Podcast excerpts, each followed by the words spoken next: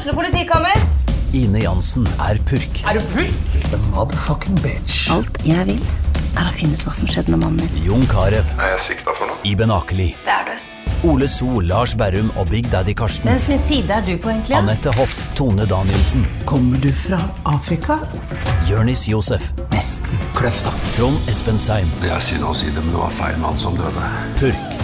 Premiere tirsdag på TV2 Play.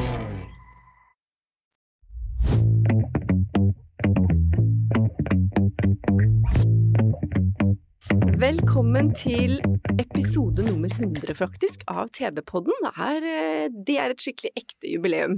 Juhu! og med oss i studio i dag har jeg, Marie Olaussen, André Askeland og Linda Jensen. Gratulerer med at dere skal få lov å være med på denne jubileumsforestillingen. Tusen takk. Dette er en stor ære, André. Ja, absolutt. Jeg skjønner ikke hvorfor du ikke sa fra tidligere, for da kunne jeg tatt på smoking. Men det får bli på nummer 1000, det, da.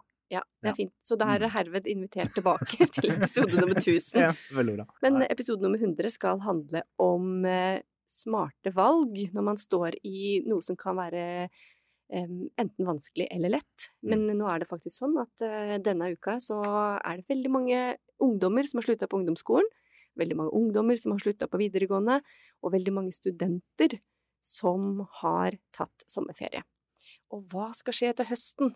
Og hva skal skje i livet mitt? Og hva skal skje når jeg blir stor? Det er mange store valg, og det er også en del som eh, ikke trives på jobben, som kan bruke sommerferien sin til å tenke seg litt om hva skal jeg gjøre nå. Mm. Og Linda, du er ekspert på å hjelpe folk til å tenke smarte tanker, stille lure spørsmål og tenke smarte tanker når man står i sånne valg som det er. Ja, jeg har i hvert fall etter hvert uh, utvikla et konsept av en karriereveiledning, om du vil, eh, hvor du får muligheten til å ta en innsjekk med deg sjøl, og finne litt mer ut av hvem du er, og hva du vil, før du tar valg videre. Ja, Og det gjør du i selskapet ditt som heter Karriereløft. Ja. Og du holder til her i Tønsberg sentrum. Og André, du Um, driver jo nå Askeland Studios, Mm. som er et uh, video- og fotostudio. Rett og slett. Der du hjelper folk å fortelle historiene sine. Ja. Men det lå ikke helt an til det da du gikk på videregående. Kan du ikke fortelle kort den historien? Jo. Ja, eller var det kanskje akkurat det det lå an til, faktisk? At jeg måtte starte for meg selv? Eh, nei, altså jeg droppet jo ut fra videregående skole, i, egentlig på tredje året på videregående. Herregud, så teit. Ja. Eh, Nynorskeksamen midt i mai der en gang, så da gadd jeg ikke. Jeg forså meg med vilje. Jeg ikke ville ha noe tor på vitnemålet, og gud, det har kosta meg etterkant. Eh, men korthistorien er jo da at, eh, at jeg, jeg dropper ut, og så skjønner jeg fort at det burde jeg ikke gjort, så jeg drar til Oslo for å ta opp noe fag få meg jobb isteden, begynner å tjene penger, syns det er mye gøyere enn å studere, så jeg dropper ut igjen. Og så, sånn går det med dagene. Jobber noen år, og så, eh, så blir det studier til slutt, da. Men jeg må vente på en del sånne 23-5-25-5-regler, da. Eh, utrolig provoserende, men ender til slutt på en bachelor i Volda på Vestlandet. Eh, studerer medieproduksjon, og når jeg kommer hjem derfra, så starter jeg eh, Askeland Studio, og har drevet med det nå siden 2019. Da. Det var jo en kort historie, men vi har tid til en litt, gå litt i dybden på det, fordi vi har snakka om det her tidligere, Mm. og da var det sånn at du hadde en kamerat som sto og banka på soveromsvinduet ditt, og som gjerne ville ha deg med til eksamen, Mm. og du bare beklager det toget der har gått, det er denne toeren du ikke ville hatt, men i etterkant så har du jo fått vite at uh, du- hadde antageligvis stått og fått uh, et vitnemål du kunne bruke til noe allerede da, hvis du hadde Ja. Ja, det er utrolig. Jeg snakket med læreren min i etterkant, og hun sier at uh, det var jo aldri noe risiko å få noe toer for deg, liksom. Du lå jo på mellom tre og fire i det faget her. Du hadde jo fått en tre på eksamen hvis det gikk dårlig. Ehm, den har jeg brukt litt tid på å fordøye, eh, for den treeren kunne kommet godt med. Hvordan tror du livet ditt hadde vært hvis du ikke hadde droppa ut av skolen? Og det er et godt spørsmål. Eh, jeg, jeg tror nok det, det bor noe i meg som måtte gjort noe annerledes uansett, da. Så jeg hadde vært nødt til å reise litt eller gjøre noe annet eller begynne å jobbe. Men at jeg til slutt hadde havna på et mer tradisjonelt studieløp, det er jeg ganske sikker på. Det jeg tror, er jo at reaksjonen hadde kommet litt senere på at jeg måtte bryte ut og teste mine egne ting uansett. Eh, Så hvordan det hadde sett ut nå, er vanskelig å si, men jeg hadde sikkert vært i en mer sånn ni til fem-jobb i dag, da. Det vil jeg tro. Mm. Jeg veit at eh, mange av de som eh, går ut av eksempel ungdomsskolen nå, da, for å ta det laveste trinnet, har litt sånn panikk som hva skal jeg bli når jeg blir stor? Panikken har Mm. satt seg. Det er jo De stiller veldig, veldig høye krav til seg sjøl. Mm. Hvilket eh, råd vil du gi til de som nå har eh, videregående foran seg? For det første, at du aner ikke hvor ung du er. Eh, Du tror du er så voksen, du. Du har ikke peiling. Du er så liten. Altså, det sier jeg med all respekt, men livet er så langt, liksom. Og bare nå som 34-åring så ser jeg det at du har så lang tid på å gjøre andre ting og bytte retning og ja, bare switche helt hvis det er det du trenger, da. Eh, om du trenger to eller tre år nå til å bare finne deg sjæl og reise og gjøre masse jobber eller hva enn det er, da. Det betyr ingenting. Du har så god tid, så bare ikke stress. Men hvis dette er tanker du går med inni deg og liksom ikke klarer å, å få ut, og du kjenner en sånn oppbygning av spenthet i kroppen, så bare snakk med folk. Og det kan være lærere, det kan være foreldre, det kan være søsken eller venner, men bare prat ut. Så skal du se at folk kommer med forslag til løsninger. Noen er dårlige, og noen er gode. Men ved å prate, så, så er det noe med at når du sier det høyt, så hører du hvor smart eller dumt noen ting også høres ut. Så du finner veldig ofte svaret selv, bare nesten ved å lufte det. For da får du noen spørsmål og, og, greier tilbake, og så, så gir det seg litt selv etter hvert. Opplever du det, Linda, at eh, folk kan synes det er litt vanskelig å sette ord på hva de egentlig er de lurer på? Ja, det, ja, det kan det jo være. Absolutt. Og så tror jeg jeg vil hive meg på det André sier, at det viktigste er kanskje å snakke med, for da begynner du å reflektere høyt. Det ene ting er det som går rundt i eget hode, det er ikke så tydelig og klart, og det spinner i de samme tankene og de samme sporene. Og, og veldig mange som kommer til meg, de, de har gått seg litt fast i det, da. Og de, eh, de skjønner de må ta et valg, og så aner de bare ikke hva. Eh, Så jeg tror det å snakke med andre, som du sier, det, det er det kjempeviktigste. Snakk med hverandre. Hvis dere er unge, snakk med foreldre. Men så er det jo også sånn at eh, det er bare 20% som vet hva de skal bli når de blir store. Så 80% vi andre, vi må teste oss litt mer til, til det, og komme fram til hva vi vil. Så jeg har jo også veldig tro på at hvis ikke du finner ut av det, så finnes det alternativer. For Mm. eksempel å gå til en karriereveileder for å få tatt noen tester og gå gjennom temaer for å finne ut hva som er interessene dine, da. For da kan det hende det er et godt sted å begynne. Mm. Finn ut hva som er interessene dine, test det ut. Og så tror jeg òg at eh, kanskje ikke alle skal begynne rett etter videregående på studiet da. Kan hende noen har gått et jobbår, et reiseår, for å modnes og bli tydeligere og klare for hva de vil. Eller eh, var i styremøte med Færder folkehøgskole i går. Og det å ta et år på folkehøyskole hvor du får opplevelser og blir kjent med deg sjøl sammen med andre, det også kan være et springbrett til å finne ut hva du vil videre. Ja, det, og det, hvis jeg bare kan skyte inn nå, det der å, å teste litt ting, Mm. for det får du ikke helt muligheten til på, på skolen. Det blir noen arbeidsuker og arbeidsdager, det er ikke, det er ikke nok, da. Um, det tar litt tid å finne ut hva man vil, og du må teste litt greier, og jeg tenker at du tror kanskje du vet noe om en utdanning eller et arbeidsliv, Ehm, men den dagen du setter fot i arbeidslivet, så ser du at det er kanskje ikke helt som du hadde trodd. En advokat står ikke i retten og er, eh, er Harvey Specter eh, hver dag. Det handler om å sitte mange timer og lese, og ikke for å liksom, rakke ned på advokat, men det kan hende at du tror noe om et yrke, og så er det ikke helt sånn. Det som er et poeng i det, det er jo det her at det er ikke alt vi kan tenke oss til. For vi, vi har så mye forutinntattheter om hva det er, og vi må faktisk prøve det og teste det ut for å vite-vite hva det er. Mm. I USA så er det kommet en bok for noen år siden som heter The Proximity Principle. Den boka den handler om hvordan man nærmer seg noen som jobber i en jobb som du har lyst på, da. Mm. Kjenner jeg noen som, for eksempel hvis du har lyst til å jobbe i radio, da. Kjenner jeg noen som kjenner noen som jobber i radio, som jeg kan spørre eh, om du, Kan du sette meg i kontakt med? Mm. Og så kanskje man kan eh, komme og prate litt da med noen som jobber i radio. Eller kanskje noen kan komme og se, ta en kaffe med deg, André, og se ja, jeg har litt lyst til å jobbe med videoproduksjon. Ja, kanskje jeg kan stikke innom og bare ta 15 minutter av din tid.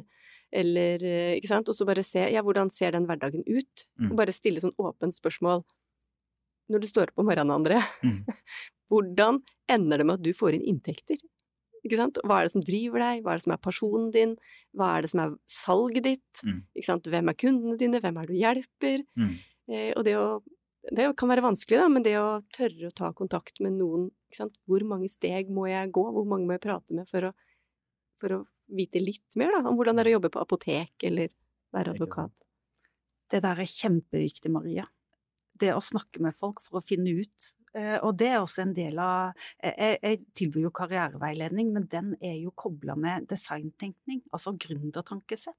Og er det noe de er gode på, de som lykkes med å bygge noe, bygge et firma, men vi kan jo også tenke hvordan bygge karrieren vår, så er det at de er rå på å snakke med andre. Og det som du nevnte nå, er jo et slags karriereintervju, som vi ville kalt det, da. Som handler om at er du interessert i noe, ja, så må du snakke med noen som har de skoa på, for å vite Mm. hva det er. Mhm. Mm. Du, du sier designtekning, det tror jeg er litt sånn fremmed begrep for mange. Hva betyr det?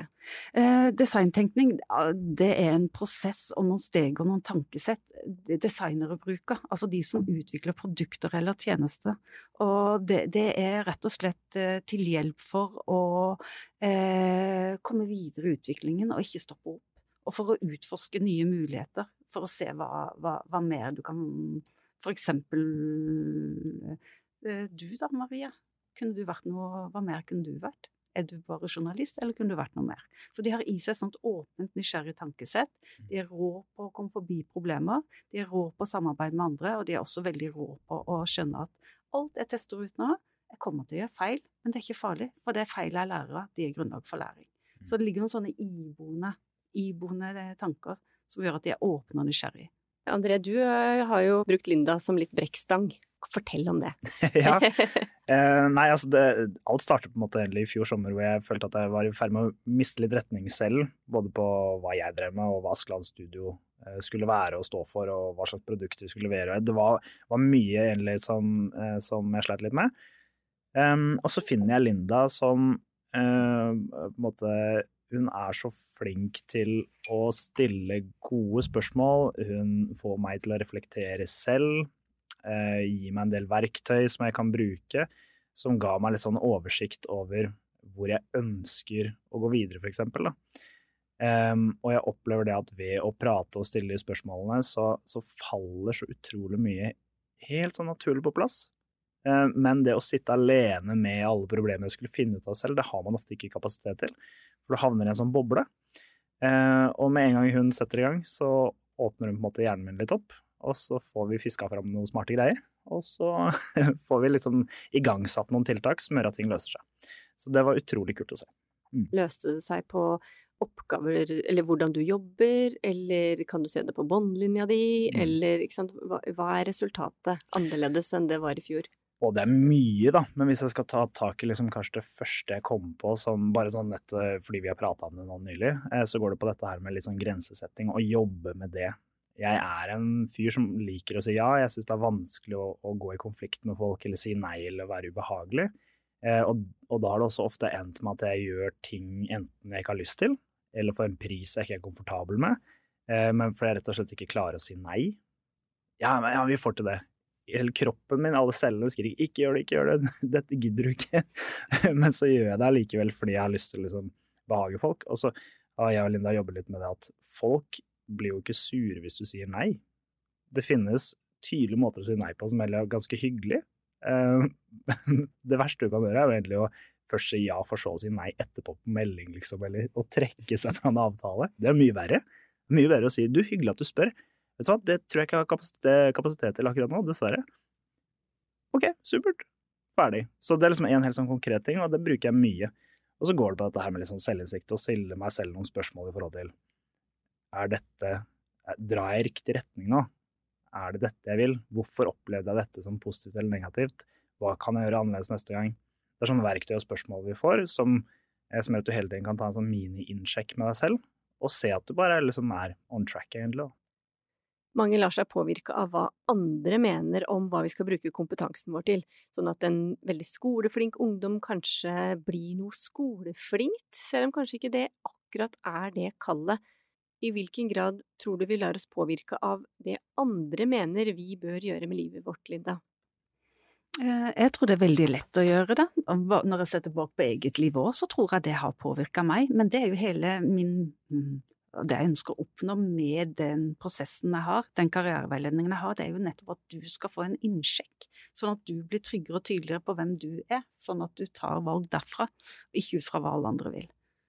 For jeg tror det er det som er, er altså Hvis jeg har én mission, så er det jo å bidra til å halvere behov for helsetjenester. Og jeg tror at hvis vi lever et liv og tar valg ut fra oss sjøl, så er det et godt steg på veien.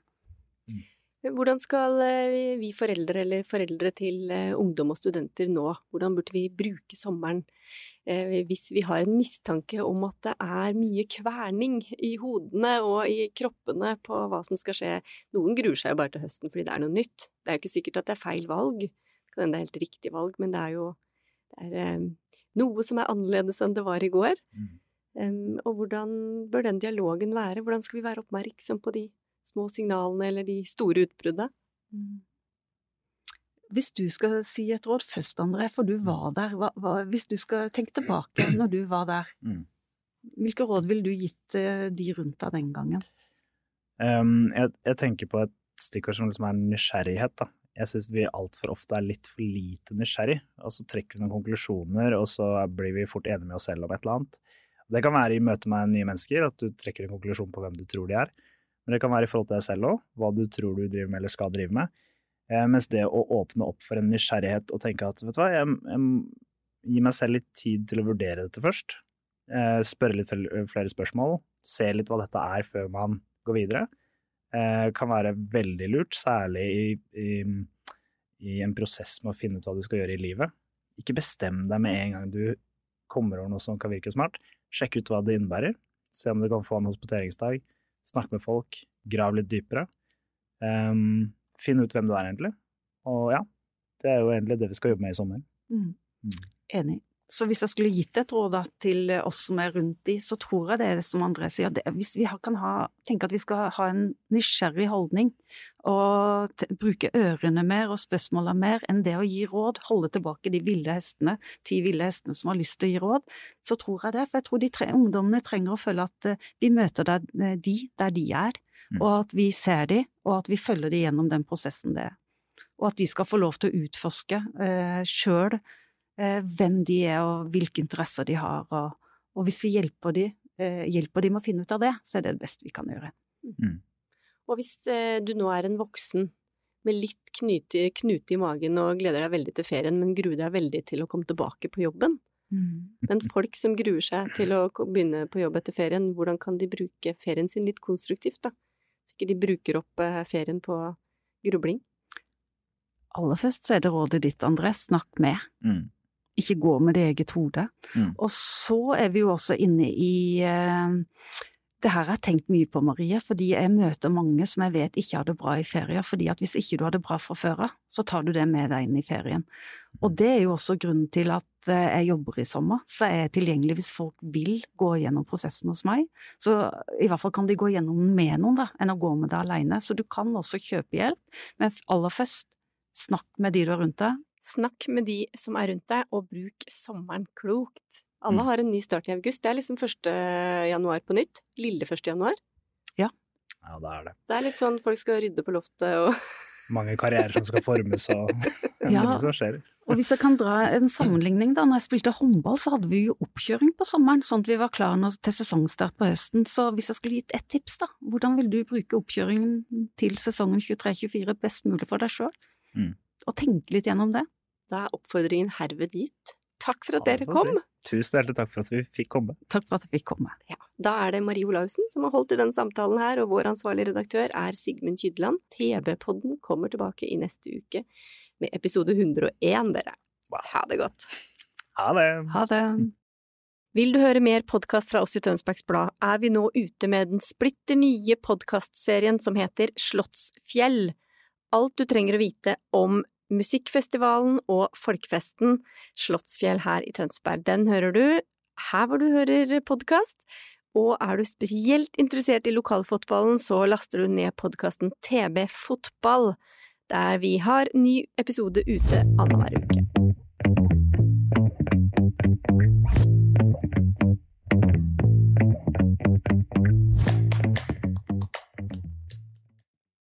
Har du et enkeltpersonforetak eller en liten bedrift? Da er du sikkert lei av å høre meg snakke om hvor enkelt det er med kvitteringer og bilag i fiken, så vi eh, gir oss her, vi. Fordi vi liker enkelt. Fiken superenkelt regnskap.